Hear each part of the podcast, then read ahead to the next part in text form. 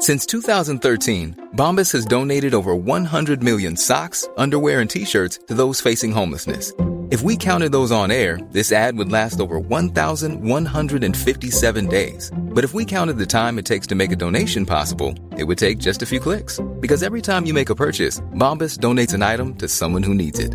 Go to bombas.com slash ACAST and use code ACAST for 20% off your first purchase. That's bombas.com slash ACAST, code ACAST. Quality sleep is essential. That's why the Sleep Number Smart Bed is designed for your ever evolving sleep needs. Need a bed that's firmer or softer on either side? Helps you sleep at a comfortable temperature? Sleep Number Smart Beds let you individualize your comfort so you sleep better together. JD Power ranks Sleep Number number 1 in customer satisfaction with mattresses purchased in-store. And now save 40% on the Sleep Number limited edition Smart Bed for a limited time.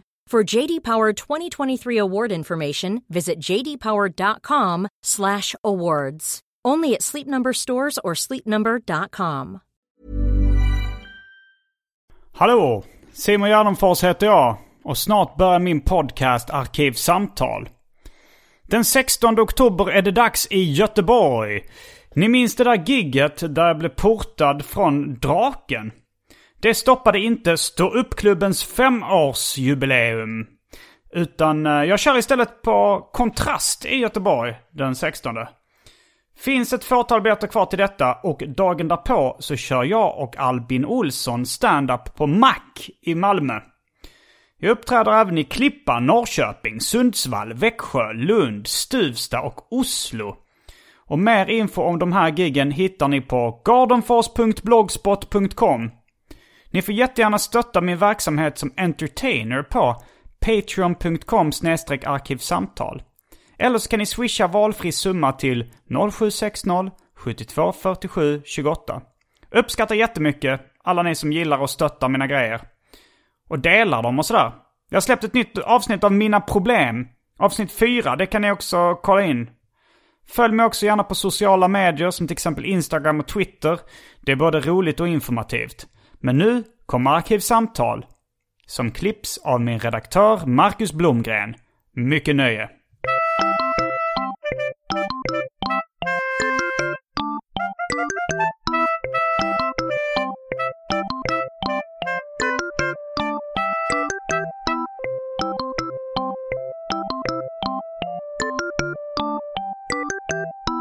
Hej och välkomna till Arkivsamtal.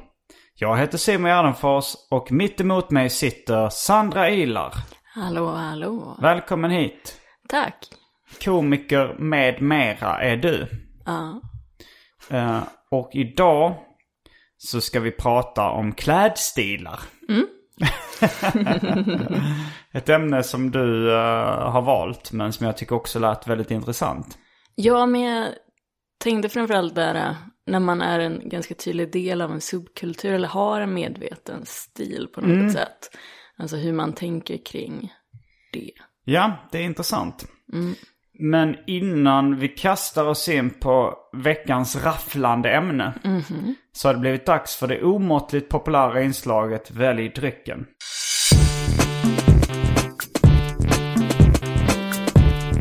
Jag tror vi börjar med det fasta inslaget Välj drycken! Och här kommer alternativen. Oppigårds Everyday IPA. Karhu 5,3. Gauloise 5,3. Det är då alltså. Eh, Dry Martini, Sherry, Hawaii Gay Club, Fanta Zero, Baileys. Hostmedicin eh, med kodein i. Finns av märket Svarta Skäggets finska hostmedicin och Recipect. Också finsk hostmedicin med kodein. Koskenkorva Vichy. Det vill säga Skinny Bitch på flaska. Turley Rosé. Häxblandningen. Det vill säga alla drycker som fanns i min kyl innan det genomgick en så kallad corporate rebranding. Och för tråkmånsar och nejsägare, vatten. Eh, Jag tar nog vatten och kanske Fanta Zero. Vatten och fantaserar. Du, du har frångått din te. Jag har inte med mig någon tepåse tyvärr. Men, Jag tänkte på vägen hit, väldigt sugen på te. Eh, det, kan, det kan finnas, ja men du kan ta vatten och Fanta. Jag Ja, orkar inte riktigt koka upp Ja. vatten och sånt. Det heter tydligen om man bara tar varmt vatten silverte. Min mormor och morfar eh, bjöd på det när jag var liten. Jag tror vi pratade om det här sist också. Det är inte omöjligt, jag känner igen det. Ja, Eh, exakt.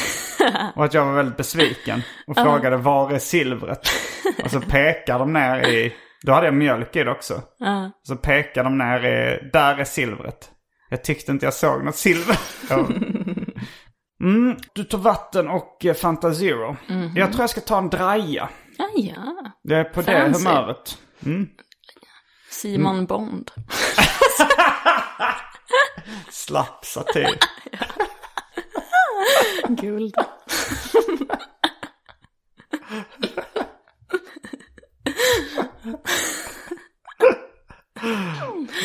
Mm, då är vi strax tillbaks med dryckerna. Kända från det omåttligt populära inslaget Välj drycken. Häng med!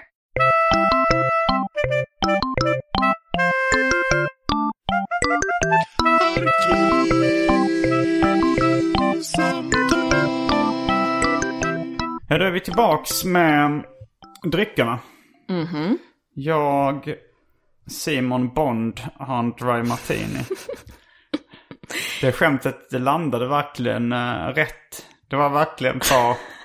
Så dåligt så att det blev kul. Men inte så dåligt så att det blev dåligt igen.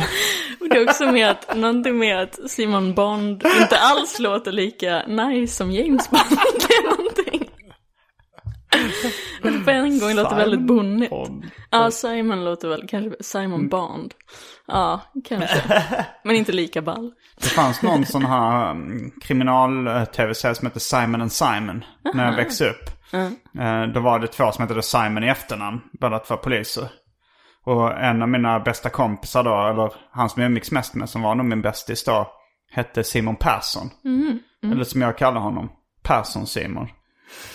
Eh, och då var det ju eh, fröknarna på dagis och sånt. Jag tror du skulle säga att du kallar honom för SP. Istället för CP. De kallar oss Simon and Simon. Alltså, som, jag hade inte sett en tv-serie, men jag har fortfarande inte sett den. Nej, nej. Men eh, detta om detta. Men det är intressant med Dry Martinen. Eh, ja, Det är lite du? fancy återställare på en söndag. ja, det kan man säga. Jag har redan tagit en öl på en Kina-restaurang. Och eh, jag, jag drabbades av Chinese Restaurant Syndrome. Vad är det? Det är när det börjar liksom sticka lite i armarna. Alltså man får, känns som man nästan börjar domna av lite i armarna och sånt där. Varför? Det är det jag inte vet. Det är ingen Är det som bara vet. du som har det? Eller Nej, det nej. Det var, Ja. jag, för jag, jag tror jag... Ja, det- restaurangen Hos, eller Hos, eller vad det heter på... eh, den ligger vid Hornstull. Ja, hos. Hos. Det var det Men din kine, ja. rasistiska imitation. hos. Vagt rasistisk imitation. Eh, nej men första gången, eh, någon av de gångerna jag kä- käkade här. Mm. Så berättade jag då, eh, så kände jag det började så här, armarna började sticka i dem, liksom domna av lite och det kändes som att man fick... nej, men Alltså som som- när du, foten har somnat lite. Ja, men som foten har somnat fast i överkroppen och armarna liksom. Och kanske lite över halsen och så. här. Den känslan att det är lite, och det är lite varmt. Eh, och jag berättade om det för min kompis Bromander från Småland. Han sa Det kanske är Chinese Restaurant Syndrome. Jag har läst om det på internet. Det står på amerikanska Wikipedia-sidan för MSG. Eh, och det gick in och kollade då. Alltså MSG är ju natriumglutamat. Och eh, det finns ju många som tror att, det, att de är allergiska mot det eller att det är farligt på olika sätt. Så det var vissa som trodde att, att det fanns mycket MSG, alltså eftersom det finns mycket MSG i kinesiska, på kinesiska restauranger, att det var därför man får den känslan. Men samtidigt så har de gjort blindtester. Och, och det, de kan, inte- det finns inga vetenskapliga belägg för att MSG skulle vara skadligt eller leda till några sådana syndrom. Men det är bara där du känner av det här. Jag har känt av det, alltså nu, för det blev så himla tydligt nu när jag gick till, jag käkade idag med Albin. För det är ingen bakisgrej. Nej det tror jag Att du inte. kan få sådär. Nej det brukar jag inte få. Det, och det var så himla tydligt att jag fick exakt samma känsla nu när jag var där andra gången. Och eh, jag har fått den någon gång på andra asiatiska restauranger. Jag vet inte om det är kombinationen chili och alkohol skulle det också kunna vara. Men jag, jag vet inte, eller någonting helt annat som... Nej, det är jävligt skumt. Ja, det är väldigt skumt. Men Men det imponerande att du fortsätter äta där. Mm, men Albin kände ingenting. Men det är inte bara att du är jättemätt. Så då blir man inte sådär. Nej, det är ofta i andra sammanhang. När jag har käkat annan mat då känns det inte alls så. Så det, det är lite spännande. Ja, det är mycket olja i den maten. Mycket olja. Thaimat. Thaimat, ja, vad kinamat. Ja, just det. Ja, men samma. Jag tycker de är väldigt oljiga båda två. Ja, det är gott. Men eh, idag så är ju då huvudtemat klädstil. Och eh, du hade lite tankar kring det. Ja, men jag tänkte framförallt, eh, för du har ju ändå en väldigt tydlig stil. Ja, eh, det har jag kanske. Alltså- Eller jo, jag, jag, vet, jag vet ju att jag klär mig på ett visst sätt. Men jag tror man väldigt rätt skulle kunna rita dig. Mm. Fast jag har ju lite olika. Idag har jag, idag har jag på mig då en gubbkeps. Eh, en, eh, en, en kortärmad skjorta med palmer på och under det ett linne. Dickies äh, brallor. Jag vet inte om det räknas som chinos. Och strumpor. För det, det är någonting med, för ibland är det så, ibland är det mer hiphop. När du har tagit på dig lite kedjor. Och Ja. kanske har en mera hiphop-aktig keps. Den där är ju nästan lite brittisk, den du har. Ja, det var sådana här, ja men det är ju en gubbkeps sådana de hade typ under amerikanska depressionen och sånt där. Exakt. Och sen så kommer jag ihåg när vi skulle, Kristoffer Nyqvist hade studenten. Och så kom du i kavaj. Det är sån jävla chock. Mm. Ja. För att man inte är van att se dig. Just det. Du känns så vuxen på en hår. gång. Ja, Ja. Mm. Jo, jo, det är ju det. Jag, jag, jag, jag, jag, jag såg fotona efter att jag såg så mycket, mycket äldre ut när jag hade annan klädstil. Och, Ja, men jag liksom- tror din klädstil är ju jävligt bra för din image Mm. också. Alltså när du håller på med comedy och skoj och sånt. Mm. För du blir ju så mycket busigare. Det har jag faktiskt inte tänkt på att det ska vara en busig look. Ja, men den är lite, det är lite som en, ja men såhär kids. Kids, Alltså, alltså. bara barn överlag. Alltså Jaha, inte ja. barn, men så här ungdomar. Ja, jag vet jo, att man kanske håller det. på med rövartyg. Jo, men jag, jag har tänkt på det just inom stand-up comedy för att eh, där så tror jag att jag vill ha en neutral klädstil. Alltså jag, jag vill, jag har, det har väl hänt att jag uppträtt i mer liksom eh, en stor guldkedja och lite spexigare kläder liksom på, på stand-up-scenen. Men jag tror att eh, jag har läst det här också liksom i stand-up teoriböcker och sånt att att eh, det som drar uppmärksamhet från orden och skämten, det är inte bra för skämten liksom. Så att det är bra att, ha, att vara ganska neutralt klädd. Så att inte fokus flyttas. För folk inte sitter så här, "Åh, vad står det på hans t-shirt? Eller varför har han en sån lustig mössa på sig? Eller vad är det här för eh, ro- eh, intressant mönster? Exakt, Alltså, eller så någon här, sån för här då- konstig symbol som blir... Ja, jo, för att det drar ju bort fokus från... Ja, så är det nog ganska mycket. Jag lyssnade på ett program när de pratade om politikers klädsel med Ingvar Carlsson var med där. Och då pratade han om att man som politiker tyckte han bland annat aldrig ska ha en, en vilt mönstrad slips. Eller så, för det kan skapa oro hos väljaren. Utan det ska vara så färger som också inger stabilitet och Ja. lugn. Men också... Och det är väl väldigt gråsosse sagt. Alltså det ska vara rediga kläder. Jo, man Mm. kommunicerar ju någonting men det är också så här att eh, ja, men som politiker så, så kanske man vill ge en viss auktoritet. Mm. Man klär sig liksom auktoritärt. Eh, det, det var, jag vet inte om det är Henrik Schyffert som brukar snacka om det här men att så här, att piloten på ett plan har kostym liksom och så här, Mm. eller uniform. Och att det finns ju ingen praktisk funktion egentligen förutom då att eh, att eh, passagerarna på planet ska känna sig trygga. För då känns det som det här är någon som har, har läget under kontroll. Mm, Han har på sig ledartröjan. Du? Han har på sig ledartröjan. Ja, ja, men han har liksom... Om han, det, det hade ju varit rätt, för att liksom man kan ju absolut fly, om man kommer in i så här, ja men hoodie och mysbyxor och keps. Så så ah, jag är, jag är pilot. För jag tycker också att man kan vara för slappt klädd på standup-scenen. Att man ger för... Alltså, Jag tror det är lättare att komma undan med det. Men om, framförallt om man ska gå upp och säga smarta saker typ lite. Eller så. Att om man ser för åt helvete ut så blir det som att, jag vet inte, att folk inte lyssnar riktigt. det kanske... Att det alltså, kommer upp någon sån här lodis som folk... Jag vet inte, det är väl att de kanske kopplar det till intelligens på något sätt. Ja, det kanske det är. Men det, men det kan ju också vara...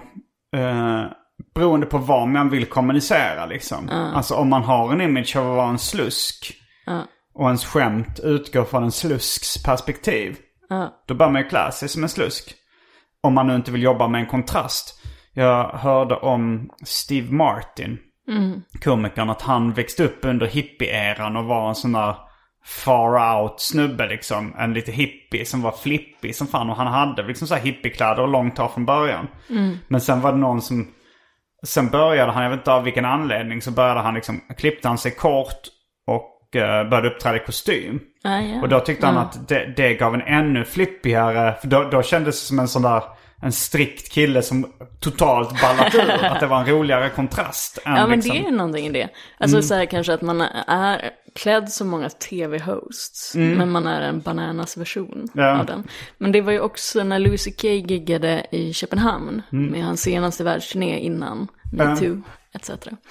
Då, då kom man ju ut, istället för att komma ut med t-shirt och jeans som man alltid har, så kom man ut i kostym. Um, och det är ju bara ett sätt att så här, sluskig Ja men image. exakt, och då är det bara så här lite att bryta folks förväntningar. Mm. Alltså hans standup var likadant, men det är ju som, man tänker sig, jag ska gå och se Lucy Kay, han kommer se ut som han alltid gör. Och så bara kommer han ut i kostym och så blir det som att man blir lite mer, oj, det där hade jag inte räknat med. Men att han inte gjorde någon grej av det heller. Nej. Men sen finns det väl också då, alltså att man som komiker och lite clown, eller vad man ska säga, så kan man ju också klä sig, alltså vara väldigt extrem, som till exempel Jossan Johansson eller så. Ja, hon klär sig flippigt ju. Ja, Eh, och jag tänkte, vad heter han den brittiska komikern som har uppträtt i högklackat och lite ja, halvdrag? ja, Eddie, eh, Eddie Izzard. exakt. Han klär sig också flippigt. Men kontentan tycker jag lite är att det spelar inte så jättestor roll. Nej, jag tror inte Alltså, heller. och, och man kanske liksom blir lite, fokus flyttas kanske lite från skämten när Eddie Izzard har högklackat. Mm. Men sen efter ett tag glömmer man det och lyssnar i alla fall på hans spaningar liksom och hans Mm. skämt. Ja men verkligen, för jag har gått lite från att, men det var nog också för jag hade en period när jag alltid bara gick svartklädd. När jag träffade mm, alltså lärde känna dig, då hade du mest svarta kläder för mig. Ja, Då ja. var det mest så här, eh, men konststudent, eh, arkitekt, reklamare, Galago-medarbetare. Det vill säga, ja men alltid svart liksom. Ja, för det var, jag var ju oerhört mycket inne i så här, eh, universitetslivet då. Och Mm. det var också någonting med att jag hade effektiviserat hela min vardag. Så Mm. hela garderoben var svart så jag inte skulle behöva tänka på matcha eller sådär. Jag hade en viss typ av tröja i typ 3X. Vad var så det att för kunna tröja? ha samma, alltså bara en enkel så svart bomullströja och En svarta svart jeans. liksom uh, sweatshirt. eller Ja, är. och bara någon sån svart ullkappa och sådär. Alltså så att det skulle ta så lite. Det var ju, Mm. Obama hade ju den grejen, att han inte ville ta klädval för att han ska ta så många val varje dag. Men det mytet, myten eller den, eller den storyn finns de ganska många. Jag har hört om Einstein, jag har hört om Mark Zuckerberg. Ja, Eh, jag har hört om andra också, att så här, de, de vill effektivisera. Mm. Men jag, jag tror inte jag hört om Obama, men hade han alltid samma kläder? Ja, eller han hade att det skulle vara väldigt enkelt att välja i alla fall. Mm, Eh, och det var väl lite att jag var inne i det. Eh, Också så tror jag att det är ganska vanligt att man har en svart period. när Mm, som man... med kläder. Ja, Ja, det är ju också att jag var så jävla inne i så litteratur och poesi. Alltså lite pretto också, gå helt svartklädd. Som du sa, arkitekt. Jo, jo det, är, ju- det är ju även ja, poeter och sånt klär sig väldigt mycket svart. Det, det var när jag höll på med serietidningen Galago och de hade liksom sina sammankomster. Då var det ofta att alla hade svarta kläder. Jag kunde ibland ha liksom någon annan färg. Men För det känns som serietecknare är ganska färggranna. Att man håller på så mycket med färg. ja, fast jag tecknade mest i svart. På den tiden var ju Galago helt i svartvitt. Aha. Och jag tecknade bara i svartvitt också för att det var eh, billigt att kopiera upp fanzine i svartvitt. Och man kunde inte ha, alltså det hade inte råd att trycka något annat. Är de mera färggrant klädda nu när de har lite färg i tidningen? Kanske, men jag tror också det handlar lite om mode och sådär.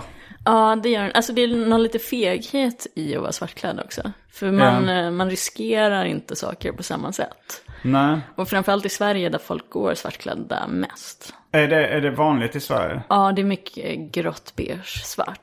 Alltså vi är inte så färgstarka som typ italienare eller så. Nej. Att vi har jättefärggranna kläder. Och också att det blir, för det är jättevanligt att modedesigners, de som går ut sist efter modeshow, är helt svartklädda. Att själva designen har svarta kläder. Så det är som Ja. att den personen klär alla andra. Men själv är, alltså inte ett blank sheet utan ett svart. Alltså bara så här, Black sheet. Ja, en black sheet. Som att hon projicerar allt utanför sig. Ja. Men också lite feghet. Jo, och det är ju lite tråkigt. Alltså man, mm, när, när jag har börjat eh, nu göra sitcom och sådär. Då, då blir det ju att man tänker mer på film och fotografi och det. Och då är ju liksom svart rätt trist. Svart och vitt är rätt trist. Vita väggar eh, ser skittrist ut. Ifall det är liksom en, eh, en vägg som är målad i en glad färg. Som du hade i din gamla lägenhet. Var det en blå vägg då? Eller lite turkos. turkos? Ja, Ja. exakt. Det ser skitsnyggt ut. Jag har tänkt på det på foton också från den lägenheten. Det ser väldigt, väldigt snyggt ut på bild. Ja.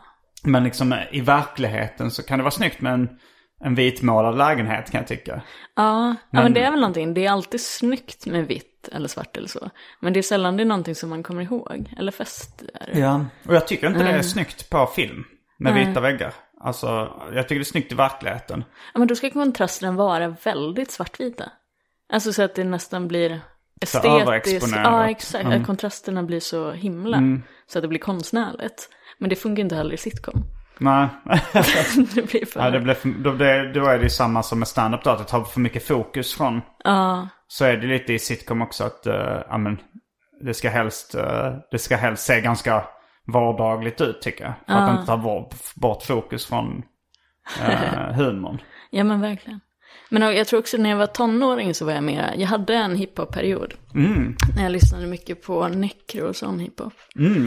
Mycket amerikansk, vad fan, vad kallas det? Det är någon sån här brutal hiphop. Ja, Mycket Nästan knulla lite och fitta. horrorcore, Och, eller, ja, exakt. Jo, det, det var ju underground eh, och väldigt grov. Alltså Eminem kom ju lite från den eran. Men och gjorde kanske mer den typen av rap innan. Där man skulle vara så äcklig och grov som möjligt. Det var den här non-fiction eller vad han heter. Mm. Ja, non-fiction var väl inte, var Necro medlem i non-fiction? Nej, Ill Bill lite. och- de hade samma mm, bolag tror jag. att de var från samma. Så jag lyssnade mycket på det, men eh, amerikansk hiphop överlag. Så då hade jag en hiphop-period i högstadiet. Här är ettan på gymnasiet. Okej. Du får lägga ut den bilden på din eh, Instagram eller något sånt där så att folk, så även lyssnarna kan se. Men jag skulle säga inte lika mycket bling-bling och sånt som dig. Nej, men du hade lite baggy jeans. Exakt. Och en hoodie. Ja, och jag hade också en sån här vinterjacka som var en sån här Carhartt. Mm, och jag hade, jag hade fila sneakers på det. Ja, exakt. Och så hade jag ofta, jag hade, varje dag hade jag på mig ett par handklovar som halsband som var glittriga. Eh, och så hade jag en sån här Carhartt vinterjacka som var så här kamouflage, Mm. asstor. eh, med en sån här lurvig huva. Mm, ja, det- på. Det är ju snyggt. Som um, Criss Cross hade i videon till Warm It Up. Ja, säkert. Eller i alla fall på skivomslaget. ja, men så, eh, på gymnasiet hade jag den Mm. stilen, typ. Var du, um, var du introvert eller extrovert när du gick på högstadiet? Alltså så, Alltså gymnasiet var lite urballad. Alltså men mycket... pratade du mycket med folk och liksom var, var, eller var du blyg? Nej, jag pratade ganska mycket med folk. Mm. Alltså vi var ändå hänga rökrutan, men ändå sådär ville ha bra betyg. Mm. Men ändå försöka vara lite ball. Ja. jag hade en pojkvän som var smygkriminell, eller vad heter det? Lite äldre och... Småkriminell kanske Ja. så Smygkriminell är väl ganska många. Ja, men när man är sådär, sådär, du vet, ung och baxar och ska vara lite Allan Ballan och röka braj. Ja, typ så. Satt ofta på äh, så ungdomshem och rymde. Ja, Och ringde mitt i natten. Och Okej. skulle, började man smuggla in han i mitt sovrum och sånt. Så det var, det det var spännande. spännande på den tiden. ja, men att det var någon så här, ja men någon fas. Typ, och så hade jag en äldre polare som bodde i lite ruffare kvarteret i Luleå. För jag kommer från villaområde nära universitetet. Det är ju så här chillområde. Det är absolut inget getto. Men så hade jag någon äldre polare som var typ min bästa vän som var, han var tio år äldre och tjackis. Och lyssnade jättemycket på Necro och sånt. Så jag brukade åka och sitta med han och prata om allt man hatar. i livet. och så här, världens snällaste människa. Och så här, eh, Men hade mycket hat ändå. Jo, men exakt. Så då fick man lite så här, jag tror det var mycket där jag kom in på det där. Kom in på- musiken och det lite mörkare. Okej, den typen av humor också då. För de, de har ju, alltså jag upplever att det är väldigt mycket humor i deras texter.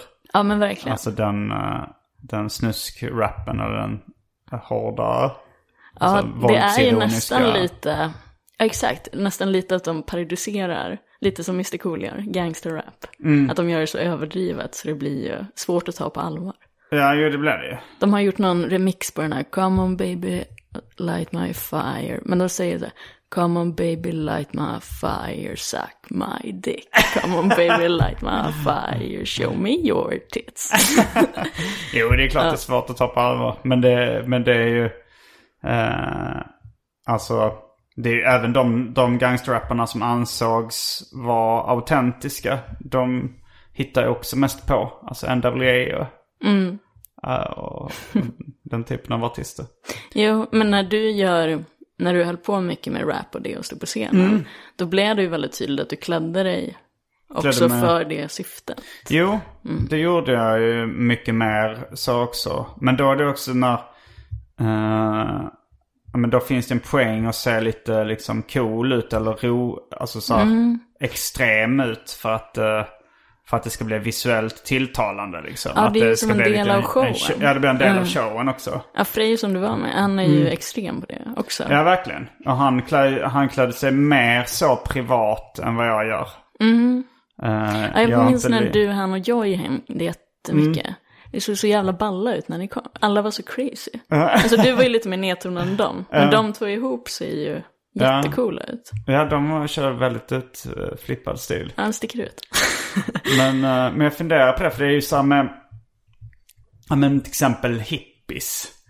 Eh, på 60 och 70-talet. De hade också en väldigt utflippad stil med så här utsvängda brallor och blommiga skjortor. Kanske pannband utanpå håret. Och, och sen, men, och sen så är det så här vissa som blir då övervintrade hippies. Som även så här i 40, 50, 60 årsåldern kör den stilen. Eh, Stefan Sundström och sådana. Peps Persson kanske. Ja, fast det är sällan man ser nu tycker jag. Alltså det måste varit vanliga. Det, Alltså, det är Stefan fler är och väl lite mer ger så här upp. proggare typ. Alltså att han är bara lite sliten. Ja, ja men Han det, bara det, bryr sig inte så mycket. Men det är fler och fler som ger upp. För att det, jag, jag, det är år och dag sedan jag såg en sån här ja, men gråhårig hippie som verkligen har det här pannband ut, utsidan av långt hår och någon slags Ja. John Lennon-brillor och utsvängda, eh, utsvängda brallor liksom. Och, Ja, för det är kanske någonting som hör lite ungdomen till. Att man så, gärna vill identifiera sig med en subkultur. för Kanske det är också det att man vill sticka ut. Man vill, man, man vill ha uppmärksamhet. Ibland kan jag ju känna att jag inte vill... Att jag vill mer smälta in liksom.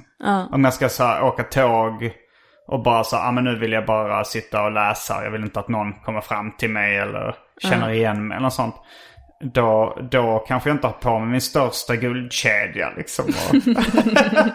Men känns det, om du har guldkedjan på scen, att du Mm. måste dra ett skämt om den? Eller? Jag, jag, de gånger jag har haft guld, alltså stor guldkedja på scen så har jag nog inte kommenterat det. Eh, men, men eh, nej, men, men jag känner ju att det liksom, ja men det här nu. Det, det, är en, det blir en gräns när man ser utklädd ut på något Ja, sätt. exakt. Och det, det är svårt att dra den gränsen för att om man, om man är utklädd varje dag. Då blir det ju en stil till slut. Det, Ja, men det blir ju då en Mm. del. För det känns ju inte orimligt att Frej kommer klädd som han gör. Alltså det bottnar så mycket i honom på något sätt. alltså det är orimligt att... Det känns ju inte orimligt att Frej kommer med sina kläder. Nej för men det är nog för så för att man är van vid det liksom. Ja, alltså om han plötsligt bara från en dag till en annan hade bytt. Då Ja. hade man väl sagt, fan, vad Ja. händer? Eller som när du kommer i kostym. Då blir Jo det så är det ju. Eh, men det var ju mycket så, alltså tonåring, att plötsligt så kunde så här, äh, Jeppe bli punkare över en helg. Mm. han hade gått och köpt nitjacka och börjat. Att folk blev så tydliga uh, subkulturer. ja just det. Och då kanske man ville manifestera det ännu mer i Mm. den åldern. Och kanske också så separera sig från vuxenvärlden. Ja. Det är väl något så upproriskt i att inte klä sig som folk på kontor. Men är liksom hiphop-stilen den tydligaste subkulturen som du har kört med? Ja, det tror jag. Det är nog den enda som Mm. har varit subkulturell. Som så. Ja, Jag blev nog ganska Förutom det här att vara kvinna. Förutom att vara kvinna. Ja, nu, Mm, nu kör du ju lite flippig stil ibland. Att ibland Mm. kan du ha... Ja men nu har du någon slags liksom lite gammeldags klänning. Mm. Eh, jag vet inte. Jag tänker på några sådana gamla tavlor. Som man säger att du klär sig. Ja, ja. Det är någon sån här Marc Jacobs skjorta med någon liten rosett och, Och lite puffiga armar. Mm. Mm, Men det det, är snyggt. ja, men det är trevligt. Så. Men jag var väldigt medveten länge om att jag inte ville se feminin ut på scen. Eller Mm. för tjejer. För då tänkte jag, då kommer de tänka för mycket. Nu kommer en tjej upp och ska bli Mm. kul. och jag vet också att andra tjejer, ja, fan jag hatar orden, men kvinnor som kör standup, som Mm. har fått tips om, ja men se lite flickig ut, för då är det lättare. Eller så, Mm. alltså från, Janne Westerlund. ja exakt. så det, det, det blir kul. Så, ja, jag vet inte. Det var så konstigt. För det är också så här, jag tror de ser ändå att man är tjej. Alltså, Jo, jo, det, det, det, i de flesta fall. Men när jag har haft klänning och det har varit recensenter på show så Mm. har de ganska ofta nämnt att jag ser så snäll ut när jag kommer upp. Jo, men det blev väl den här kontrasten ungefär som när eh, Ivan Brunetti eller jag själv eller någon sån tecknar i en väldigt gullig tecknarstil. Och sen Mm. så har väldigt vidriga eh, manus eller skämtteckningsskämt liksom. Mm. Att det blir en rolig kontrast. På samma sätt som du, om du har eh, klänning och ser lite flickig ut och sen så skriker vidriga saker. Det blir ju en rolig kontrast. Man bryter förväntningarna. lite. Men känner du när du har guldkedja att du är utklädd? Eller? Lite grann. Det beror på hur stor guldkedjan är. Jag har, jag har väldigt många olika storlekar. Ah, ja. Men första gången jag, jag tog på mig bara en liten guldkedja då, så, så, då, så, då kände jag att det här var liksom en stor förändring. Då, jag kommer ihåg att jag var hemma hos min kompis Krille. Eh, som eh, då, eh, ja men han, båda hans föräldrar är liksom födda utomlands. Bulgar och, och latinamerikaner liksom. Så han såg liksom ut som en invandrare.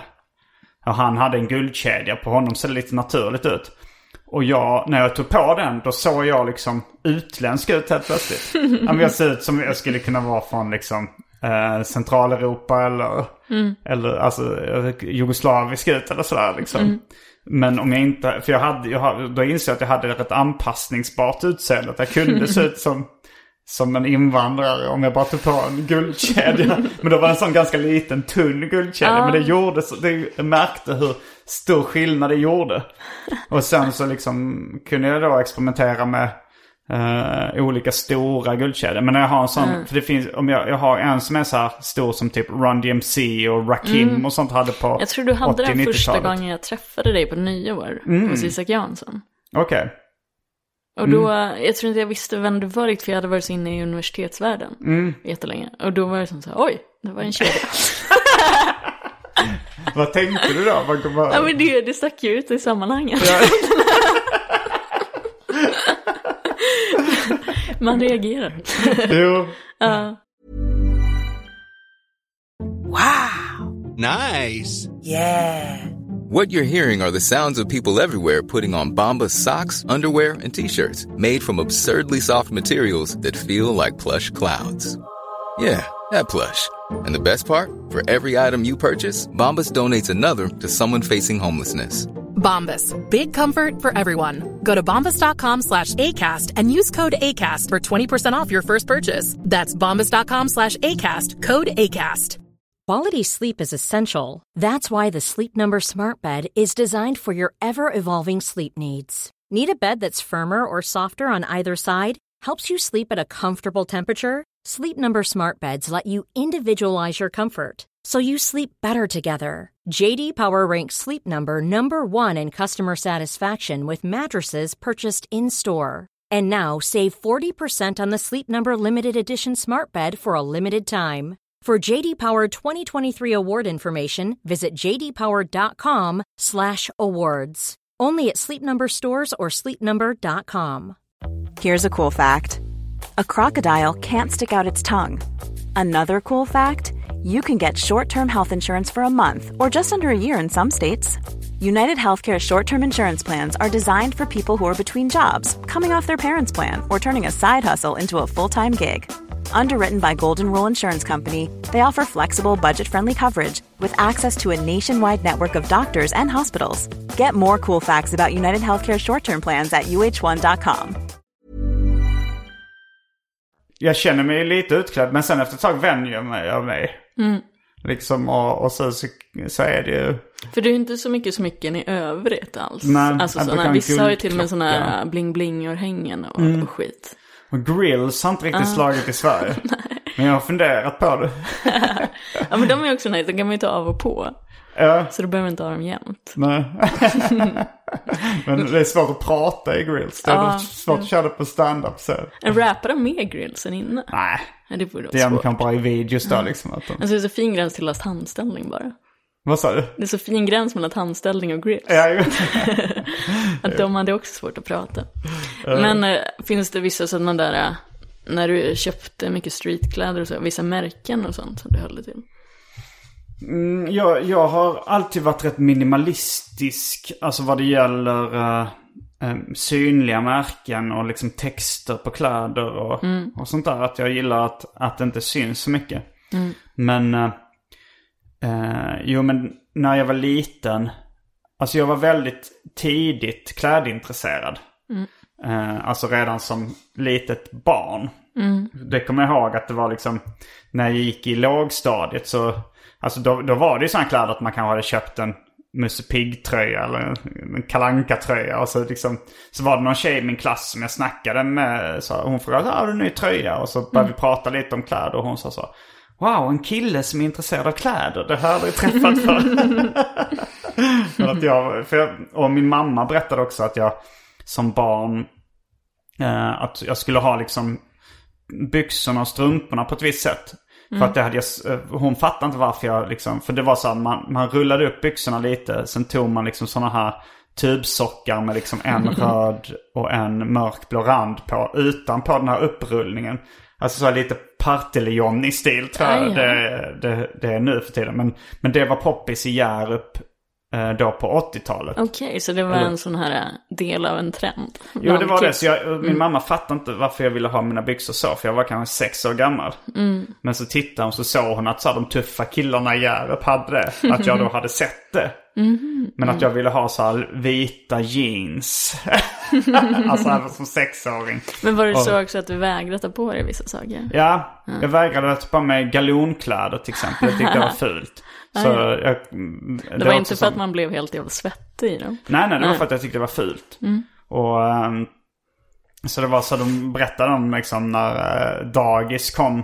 Vi gick, på, eh, vi gick på gatan. Jag tror det var att vi skulle hem, jag skulle ha mitt födelsedagskalas liksom och hade bjudit in hela dagisklassen. Så kom hela dagisklassen till ösregnet och alla hade galonkläder utom jag som gick på egna vanor. Ja men det är ju så här, det är så här tonårsbeteende. ja. Att man hellre fryser än på sig mössa. Jo, jo och jag, jag var väldigt besviken sen när jag var tvungen att ha glasögon. Ja, ja. Eh, Men hur jag skaffade gammal var du linser då? väldigt tidigt. Ja men det var kanske i, när, jag började, när jag började skolan. Ja, ja. Eller kanske redan innan dess. Aha, ja, jag fick linser i, eller glasögon i åttan. Mm. Högstadiet, och då började jag med linser direkt. Och det var väl en sån grej att det kändes för mycket av att byta utseende så här. Bli Ja, någon annan typ. Man ser ut som en lite töntig liksom. ja, det är ju, var... det, för att redan då när jag var sex år, då var jag nog mest intresserad av, eh, av kläder av liksom eh, estetiska skäl. Ungefär på samma sätt som jag tyckte det var roligt att teckna fina teckningar och sånt där. Men sen så när, li- liksom runt högstadiet där då, då fyllde ju en helt annan funktion. Att man skulle vara attraktiv för, av sexuella skäl. Att man ville locka till sig partners. liksom, så då var det ju så här att glasögon det kanske, det var inte så sexigt liksom. På, den, på den tiden i alla fall. Men var det, när började du klä dig lite hiphop-aktigt? Ja, för- men den första subkulturen som jag eh, erkände mig till, eller vad man ska säga, det var syntare. För min storebrorsa lyssnade på Depeche Mode. och annat som han då ansåg var synt. Howard Jones och Thompson Twins och sånt där. Okej. Och då, så, det tyckte jag var coolt. Så då ville jag så här ha liksom, men jag hade inte tillgång till så mycket syntkläder då liksom. Vad var syntkläder? Eh, Men man kanske färgade håret lite sådär roliga, alltså så här, man kanske hade sådana hårgelé som var neongrönt eller neonblått och så hade man, och synttofs var stort. Det tror jag min brorsa skaffade, vet, en sån lång syntfläta i nacken. alltså det var säkert folk som bara hittade på vad som var synt och inte. Så Ja, var det vissa måste varit, jag jackor tror och- ingen var synt i Luleå. Nähä. En ganska smal genre. Ja, men syntare eller hårdrockare var ju då på, när, på 80-talet. Då gick Ah. folk runt på skolgården och frågade syntare eller hårdrockare. Men det är lite LSD-stil. LSD. Ja. Nej, det är mer ravare. För syntare var mer så här svart, grått. Aha, ja, ja. Eh, alltså kanske lite Fast typ en skinn, färg någonstans. läder, svart läder. Det var mycket Okej. sånt. Och då kanske en färgglad Lite bögigt, lite läderbög. Lite David Bowie, eller? Ja, jo, David Bowie skulle jag nog...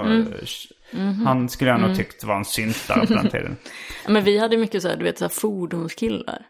Mm. Det skulle vara, du vet, som hade fristadsjackor. Det Okej, var så här. Mm. tecken på det. Eller men också sådana där Ultima Thule-tröjor och sån där skit. Okej. Kepsen på bakhuvudet. Och ha en, uh, en Torshammare. Ja, Vad sa du? Kepsen på? bakhuvudet, att de har det. Och så viker man På in skärmen bakhuvudet? så jävla mycket, du vet, så att den är. Ja, man rullar Ja, skärmen. exakt. Och har den lite Har som den så. långt na- bak i nacken? Exakt. Är det lite rassestil då? Ja, det var det. För vi hade, vi hade internationella klassen på min skola. Mm. Vilket var helt stört, för de skeppade dem från Hertsön, som är lite risigare område Mm. i Luleå då, till min skola. Och skulle alla som hade lite invandrarbakgrund gå med varann i en Mm. klass. I en flygel i min skola. Så dels så behövde de åka genom stan, hela stan. Mm. Men sen oavsett var de kom ifrån, vad de pratade så skulle alla bara in i ett rum. och så vissa kunde vara så här 35 och någon så här 12. Oj. Och det, ja, det var bara världens sämsta idé. Och då var det jättevanligt att det kom sådana här fordonskillar och skulle spöa internationella klassen. Oj. Ja, På grund av var- rasistiska skäl? Ja. På grund av hat och rasism? Mm, exakt. Men jag vet inte om jag samtidigt som jag var syntare började eh, kolla lite på hiphop-stilen. För att jag blev intresserad av breakdance redan när jag var sex år gammal. Och började gå på, jag, jag såg, såg breakdance på tv då liksom. På 80-talet. Och tyckte det var coolt. Och då kom jag ihåg att jag hade haft ett linne, alltså en, en liksom armlös t-shirt liksom. Eller något sånt. Som, min, som jag hade haft typ en, eh, som jag alltid tyckte var ful. Men så såg jag då eh, att de här gettosnubbarna i, som dansar breakdance hade linne. Så då kom jag ihåg att jag bara sprang in och bara letade fram det och sen försökte dansa breakdance själv i ett sånt linne. Och sen hade de så här typ träningsoveraller så jag, köp, jag fick en sån här, en, eh, en, en turkos träningsoverall i, av märket Puls. Som hade liksom en hoodie. Eh, och, det, och sen så liksom, när, på den här breakdance-kursen fick man låna en keps också. Och jag ville liksom gå runt med en sån bandspelare som jag hade sett också att de gjorde vet, en bergsprängare på axeln. Så jag sparade det. pengar och, och köpte en liten sån som jag gick runt med på axeln i Hjärup. Och som du liksom. spelade då band på. Kassettband, ja. Mm.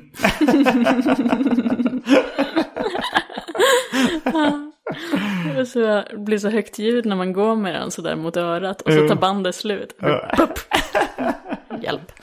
Men, Så då började liksom, började jag klä lite den, alltså, men, men det var ju rätt mycket föräldrarna som köpte kläder och bestämde. Jag försökte köpa ett par så Converse-dojor som jag, och, men, men det fick jag till slut inte. Jag ville ha vita Converse-dojor. Och så jag var så jävla nära att få dem. Jag var i affären, testade dem. Och sen så var det så här, men det var så här gummisula där uppe liksom vid, vid foten. Så sa min mamma, pratade med så här, blev inte det väldigt svettigt? Så här, jo, det kanske blir, man kanske får så här fotvårtor och sådär. Och så är de vita, de blir väldigt smutsiga snabbt. Så till slut, nej du får inte dem. Så, så jag var så nära få dem. Men men det var bara så här logiska skäl. Mm. ja. För de ska ju också vara väldigt platta. Ja, de är ju det, de har ingen sånt där valv i Nej. sig. Så de är också dåliga för fötterna. Om man inte har inläggssula. Nej men så hade jag väldigt lite pengar liksom. Eh, Det har man ju ofta som barn. Men, men när jag i högstadiet började få liksom barnbidrag, man eh, fick disponera det själv, då sparade jag alltid pengar. Och så köpte jag när familjen var på semester liksom. Eh, Alltså då kanske vi var i Frankrike. I Paris och så där kunde man köpa typ fila dojor. Då köpte jag ett, jag köpte ett par orangea fila skor. Eh, så det är liksom nästan självlysande orangea. Ja, verkligen. Och då, då, men då, då, det var då jag började snöa in på vissa märken också. För det här var ju tidigt 90-tal då kanske. 90. Då var det liksom, Fila var coolt. Exakt. Champion var coolt. Jag ville gärna ha Champion hoodies. Ja, Och, ehm, och, med, och Russell Athletics var ett märke. just nu, det. har jag en t- nu har jag en hoodie av märket Russell Athletics. Vem var det som gjorde dem? Alltså det Ja, var det ett- märket heter Ah, Russell. Ah, ja.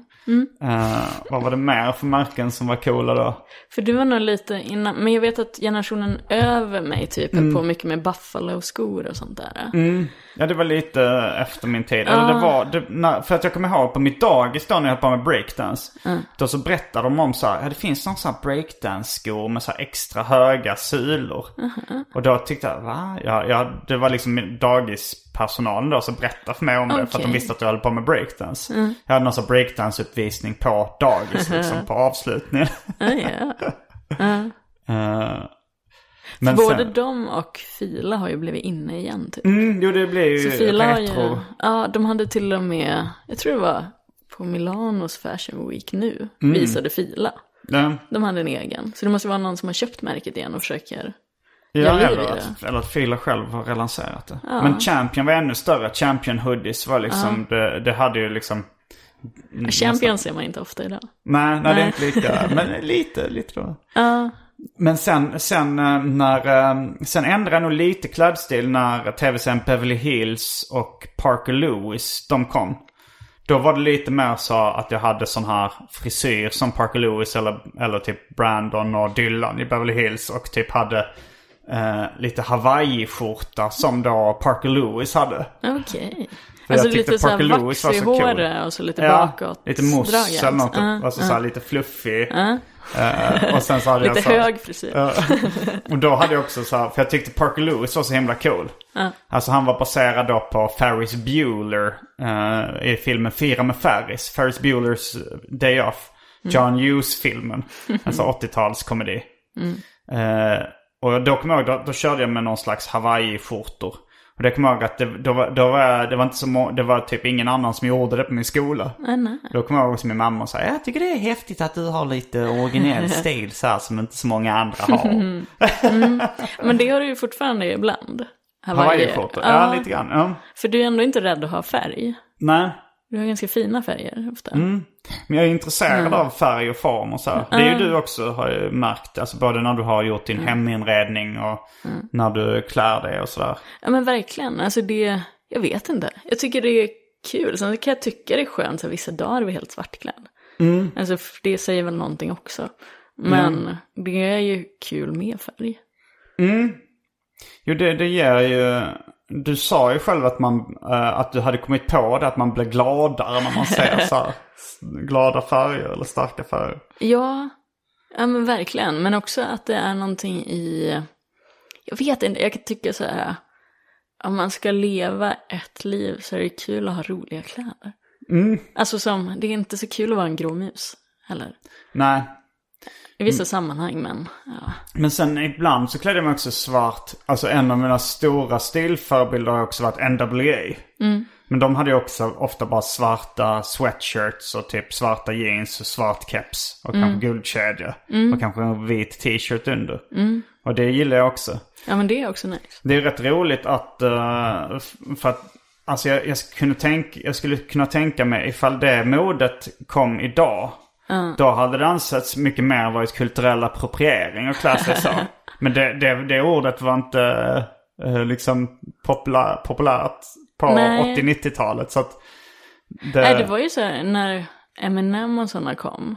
Då var det mer bara så här, en vit kille som rappar. Det var Jo, inget så här det- snack om att han hade snott deras genre. Jo, så. det var väl lite det skulle jag ändå säga. Ja, kanske i USA. Men Ja. med Petter och så var det ju noll här i Sverige. Var det inte? Lite, men, men det hade ju funnits tidigare. Alltså det hade funnits just det och sånt liksom tidigare i Sverige. Och folk, när just det kom var det inte så många som kände till hiphopkulturen. Nej.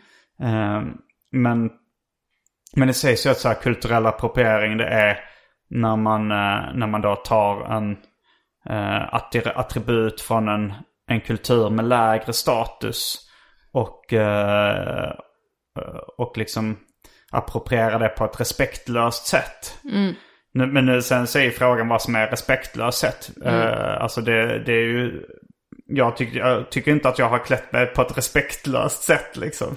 Nej, och när man gör det för att man tycker det är nice. Ja. också. Jo, det är det ju. Men, men, det, är ju- men det är ju liksom... Ja men det är ju inte respekt. Även ifall du tycker det är så här, även om folk tycker det är nice och snyggt och respekterar att, så här, att ha en så här röd prick, en bindi, en sån här indisk röd prick i pannan. Så är det nog många som skulle anse det att, att det är kulturell appropriering. Nu är jag ju liksom väldigt, väldigt kritisk mot eh, att liksom, nej men kulturell appropriering.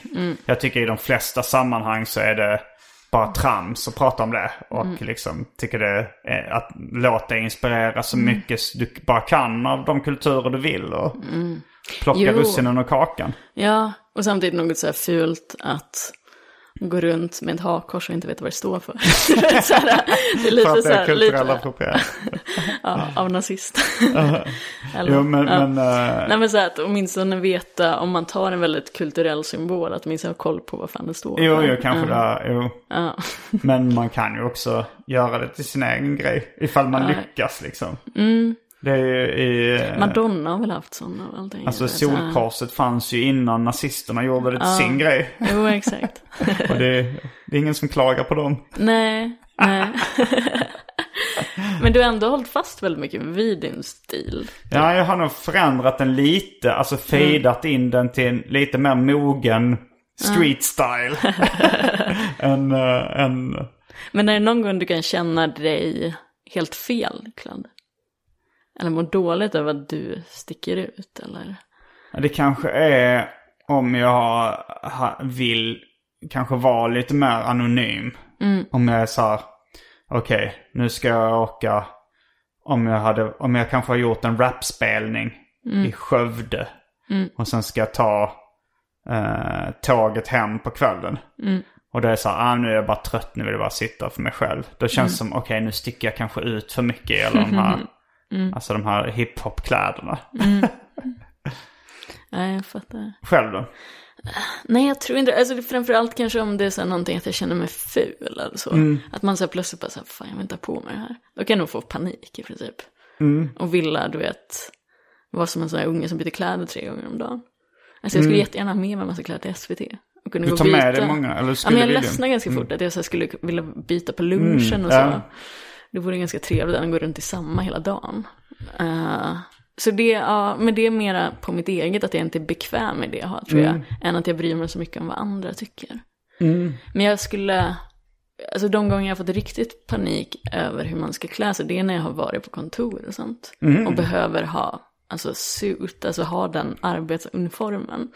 Och att det inte är okej att sticka ut för mycket. Då blir jag nästan aggressiv när det kommer till att så här vilja så här, men då tar jag på mig något limegrönt för. Jo, en Vet, du, jag gång... kan få ångest över att jag ska bara vara en del av en massa som ska gå på led. Och följa allt chefen säger. Ja. Jag vet så. Men jag tänkte på det när jag snackade om kontorskläder för att eh, ett tillfälle kä- kände jag väldigt, eh, då var det typ så här, jag var, jag var i New York City. Och, eh, och så var det så här, eh, jag hade, eh, det var en varm dag, jag hade shorts på mig och typ eh, Timberland-kängor. Och eh, jag kommer inte ihåg vad jag hade för andra kläder kanske. Ja, men, en keps och t-shirt antar jag. Och sen så hade jag med mig ett par långbyxor för jag såg att det skulle börja regna eh, den dagen. Och blev kallare senare. Så jag hade eh, liksom långbyxor i ryggsäcken. Och sen så skulle jag då göra ett studiebesök på, det var en kompis som jobbade på DC Comics. Och där även Mad Magazine hade sin redaktion. Jag tror de ägdes av DC då. Och så hon, hon, min kompis som jobbar där, eh, hon mötte mig liksom utanför och då hade det precis, då, då var det fortfarande varmt ute. Men jag frågade henne så här, är det okej om jag går klädd så här? Jag vet inte vad det är för liksom office code eller för liksom företagskultur där. Så sa hon så här, ja det, ja, det är okej. Och så gick jag in och så fick jag en sån rundvisning. Och då så märkte man att alla var, jag var absolut sluskigast klädd. Ingen annan hade shorts och det var liksom, folk var rätt välklädda där. Och så var det någon, eh, någon svart kille som, eh, som han var lite så här spexig. Och han, började, han började kommentera mina kläder så här, They let you dress like that in Sweden?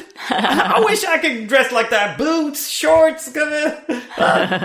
Och sen, eh, och, och alla kommenterade liksom mina kläder. Men Ah, det, ja. det, var, det var väl inte så skandal. Nej. Men sen så, så sa jag så här, ja men till henne när vi var klara med den rundvandringen så här, så men, vad fan hade jag vetat det här, att folk skulle reagera så, så jag har ju långbyxor i ryggsäcken. Så sa han, va? Har du det? Jag trodde att det här var det enda du hade, det var därför jag sa att det var okej. så de, då kände jag mig väldigt fel. Ja men det är jobbigt när det blir en grej. Jag kan också tycka, för även när jag, på SVT så sticker jag ut mycket för att jag bara tar på mig det jag vill ha. Mm, hur klass är de andra på SVT? Ja men det är väl mer nedtonat, ska jag säga. Okej. Inte så mycket färger och så. Det är inte kontor, det är ändå media man jobbar med. Så det är ju fritt. Det finns ju också Boltes, du vet. Mm. Tidigare när dreads och hiphopkläder och Mm. allt möjligt. Eh, Men så det är väldigt varierat. Men ofta ändå att man sticker ut om man anstränger sig eller så här, tycker om att vara lite rolig. Mm. Eh, och då kan jag tycka det är jobbigt om för många säger att man är fin eller så. Jaha, Alltså jo. att för många kommenterar. jo det Alltså jag även om de säger det snällt så blir det som så här, ja, eh, att så, Ja. Jag har ju nästan alltid Mm. keps. Och det som jag tycker är jobbigast nu att inte ha keps, det är att då blir det en grej. Mm, Då måste folk kommentera det. Och som jag går ner på Big Ben utan keps, då måste jag ta den diskussionen 10 till 15 gånger Mm. på en kväll. Och det är så tråkigt. Så då tar jag, ah, jag tar på mig keps, jag orkar inte. Det är kul att din keps har blivit ett fängelse. Ja. Men det kommer jag ihåg jag började med i eh, kanske femman, sexan. Sexan tror jag jag började med keps. Alltså i, sjätte klass. Då köpte jag så här en Redskins keps av, jag tror det var Starter, det märket som var. Okej. Det var lite andra kepsar. Men för det är ju alltid en grej i skolan. Ja, Att att man får ta av sig kepsen kepsen. och Jag hade ju ofta mössa också. Alltså så typ en svart bara vanlig, vanlig sån uh, yll, yllemössa eller vad man säger liksom. Det körde jag också med. Men det var också för att det var lite coolt med mössa liksom. Ja, jag minns en gång när jag, för jag tyckte om att ha mössa innan ibland på högstadiet. Mm. Så var jag alltid så här, ta av mössan. Och så var det vid julavslutningen och så var det några tjejer i min klass som hade på sig tomteluvor. Mm. Så sa min lärare så här, men ta av dig mössan. Jag, men Maria får ju ha mössa. jag ägde henne. Ja, det, var, det var någon som också trodde, för jag hade liksom en sån här, ja men sån, eh, en uh, ihopvikt mössa liksom. Som vissa hipsters har idag. Men jag var typ den enda som hade det på, så här, eh, på 90-talet i min skola. Men då var det viss, någon i min brorsas klass som frågade om det var för att, jag, eh, för att vi var judar som jag hade en sån mössa Det är som en typ. kippa. Ja.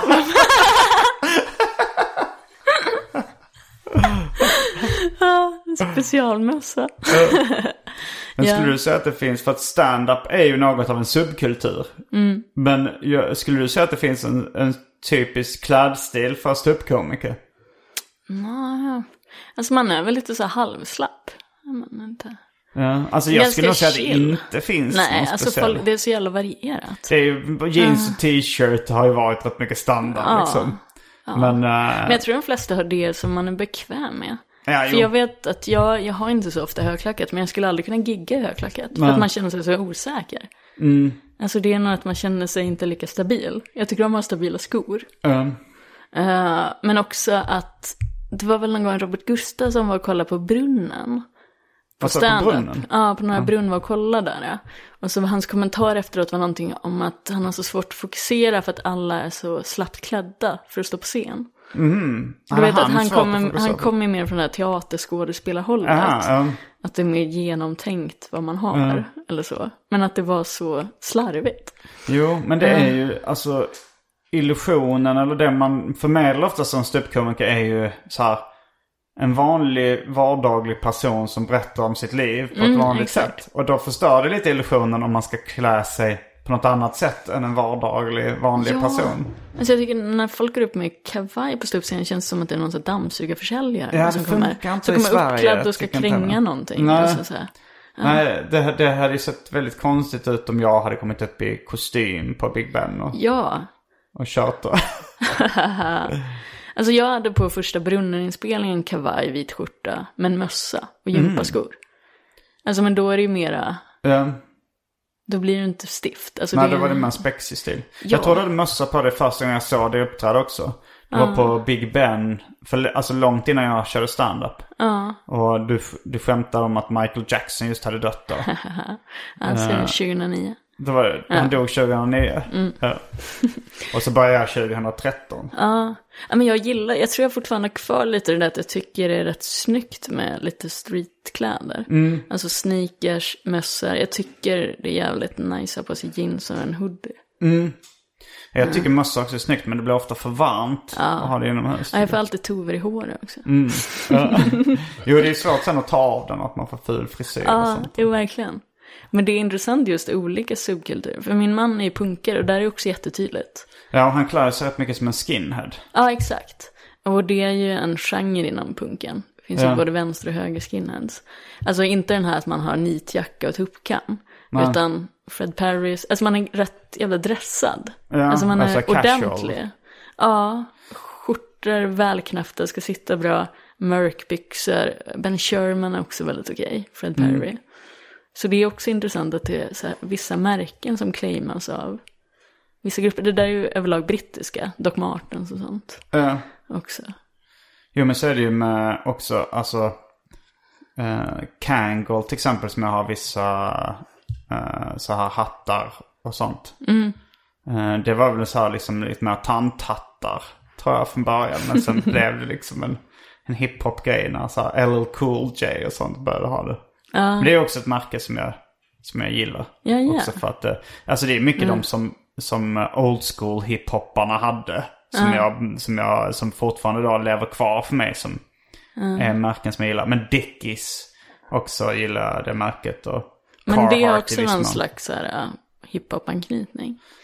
Det är ju många hiphoppare som har de märkena liksom. Mm. Men eh, alltså många rappare som, som ma- man har sett. Är de lätta att hitta eller måste du köpa på internet? Eh, nu kan man hitta dem, alltså när jag växte upp så var det svårt att hitta dem. Då fick man köpa dem utomlands. Eh, men, men nu så är jag ju rätt ofta i USA och sen så finns det vissa streetwear-butiker eller skatebutiker och sånt som säljer. Ja, jag minns att jag säljer köpte de. min Carhartt uh, Mm. jacka på uh, Junkyard.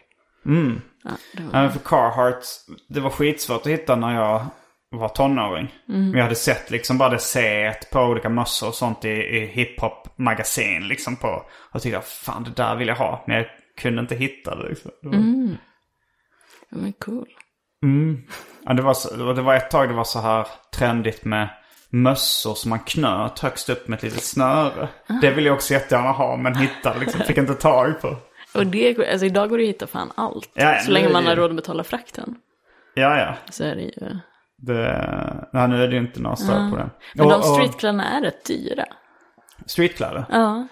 Ja, ibland. Men alltså om du, vissa är rätt billiga. Alltså jag, ja, men så här, jag, när jag var i USA kunde jag köpa så här fila dojor för 300 spänn. Och Ja, ja. ett par Dickies-brallor för också bara några hundra. Alltså de, viss, vissa av dem är ju så här billiga för att, för att de liksom var billiga kläder i, som fattiga i gettorna köpte liksom. Och så blev det trendigt fast de kanske hade dem på ett coolt sätt. Och uh, Ewing var också ett märke. Jag köpte sådana gympadojor när, när liksom det började komma retro. Det var så här på 90-talet så kunde man säga så här Ice Cube eller Gangstar och Guru och Premiere hade sådana liksom på skivomslag.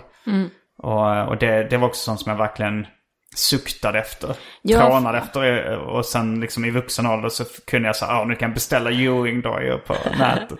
För det är verkligen att vissa inom street så samlar till och med på gympaskor. Vad sa? Vissa inom, Samlar på gympaskor. Till och med. vissa inom streetwear eller vad sa du? Ja, och hiphop och så, att det kan vara Ja, så ja, en är himla stor grej. ja. Jag tror jag läste en reportage om just det här svenska företaget som är rätt stort, Sneakers and Stuff. Sneakers and. Stuff, Ja. Om hur, alltså när det är en efter åtråvärd sko som plötsligt Mm. släpps, alltså hur enormt långa köer där i New York och allt sånt där. För att få tag på det här. Och det är väl inte att de har på sig dem så mycket. För det är också en del att de ska vara kritvita. Om de ska vara vita.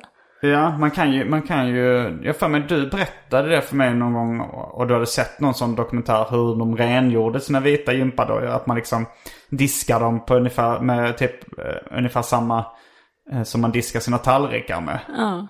Och, så det har jag börjat med också. Ja, ja. ja men det ska finnas, jag tror Stuff till och med säljer dem, ett sneakers-set. Mm. Som är med alla medel och så för att hålla det så vitt som möjligt. Okej.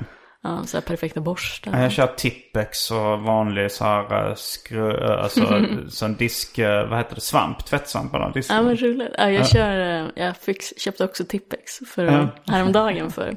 Jag vet så här Doc Martens platå, höga vita stövlar Ja. typ. Som hade blivit lite smutsiga. Ja, det är Tippex. roligt.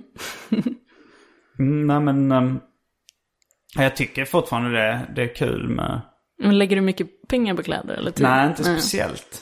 Alltså jag Men- köper ganska sällan kläder. Jag har så, det känns som det tar så mycket plats också Ja det med gör ju kläder. det. Det är det som är Så så då, då är det nästan att jag måste slänga något gammalt plagg eller, eller lämna in till myrorna eller någonting. Ja men jag försöker, jag hade loppis här för något tag sedan så sålde jag för några tusen. Så det var så här skönt att bara så här bli av med.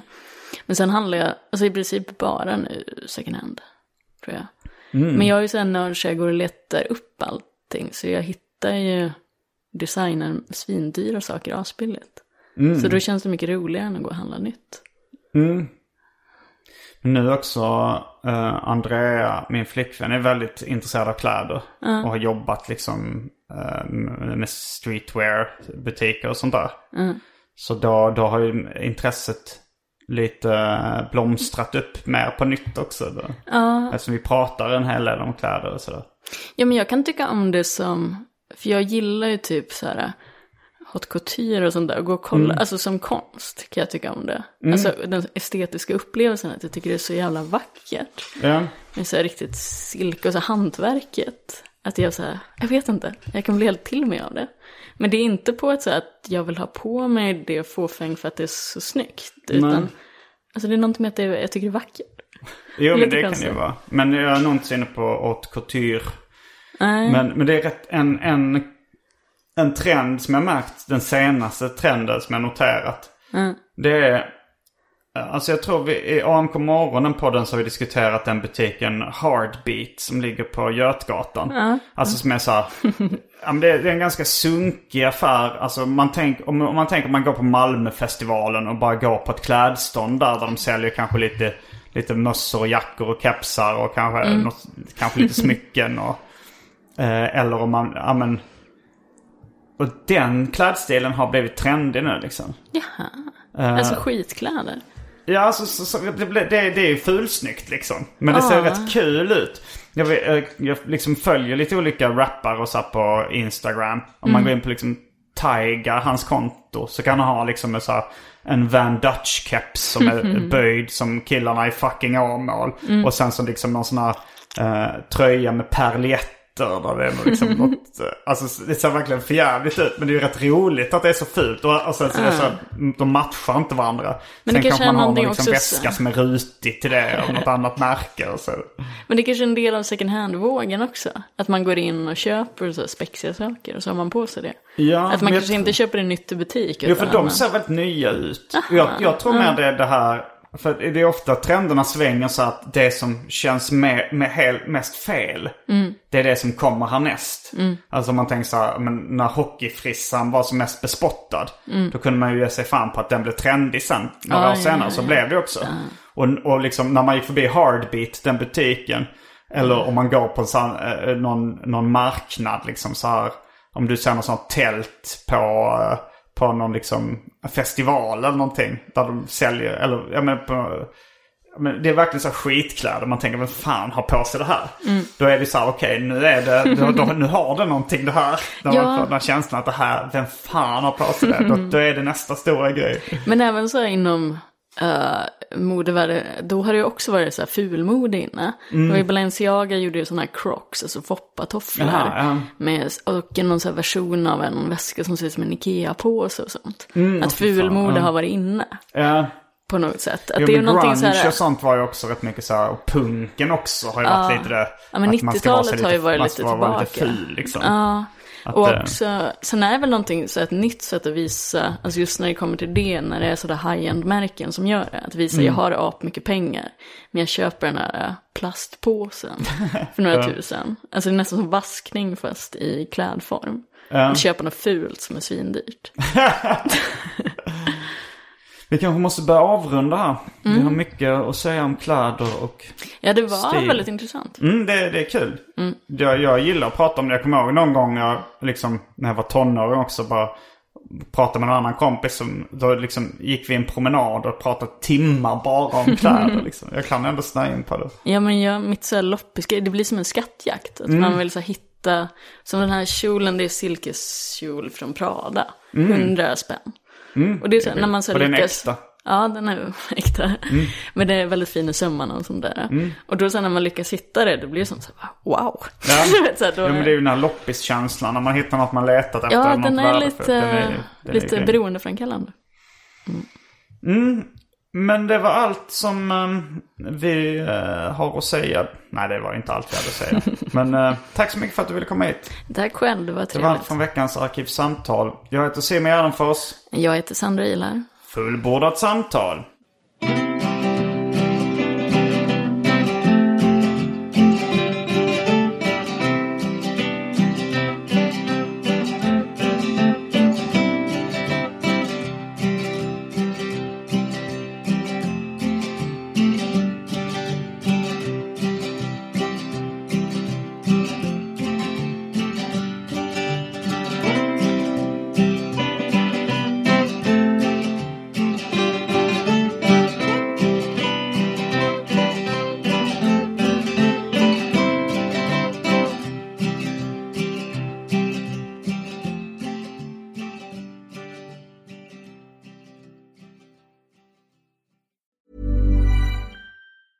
Hey, it's Danny Pellegrino from Everything Iconic.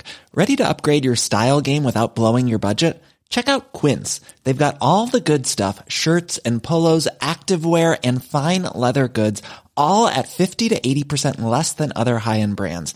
And the best part? They're all about safe, ethical, and responsible manufacturing. Get that luxury vibe without the luxury price tag. Hit up quince.com slash upgrade for free shipping and 365 day returns on your next order. That's quince.com slash upgrade. A lot can happen in the next three years. Like a chatbot may be your new best friend.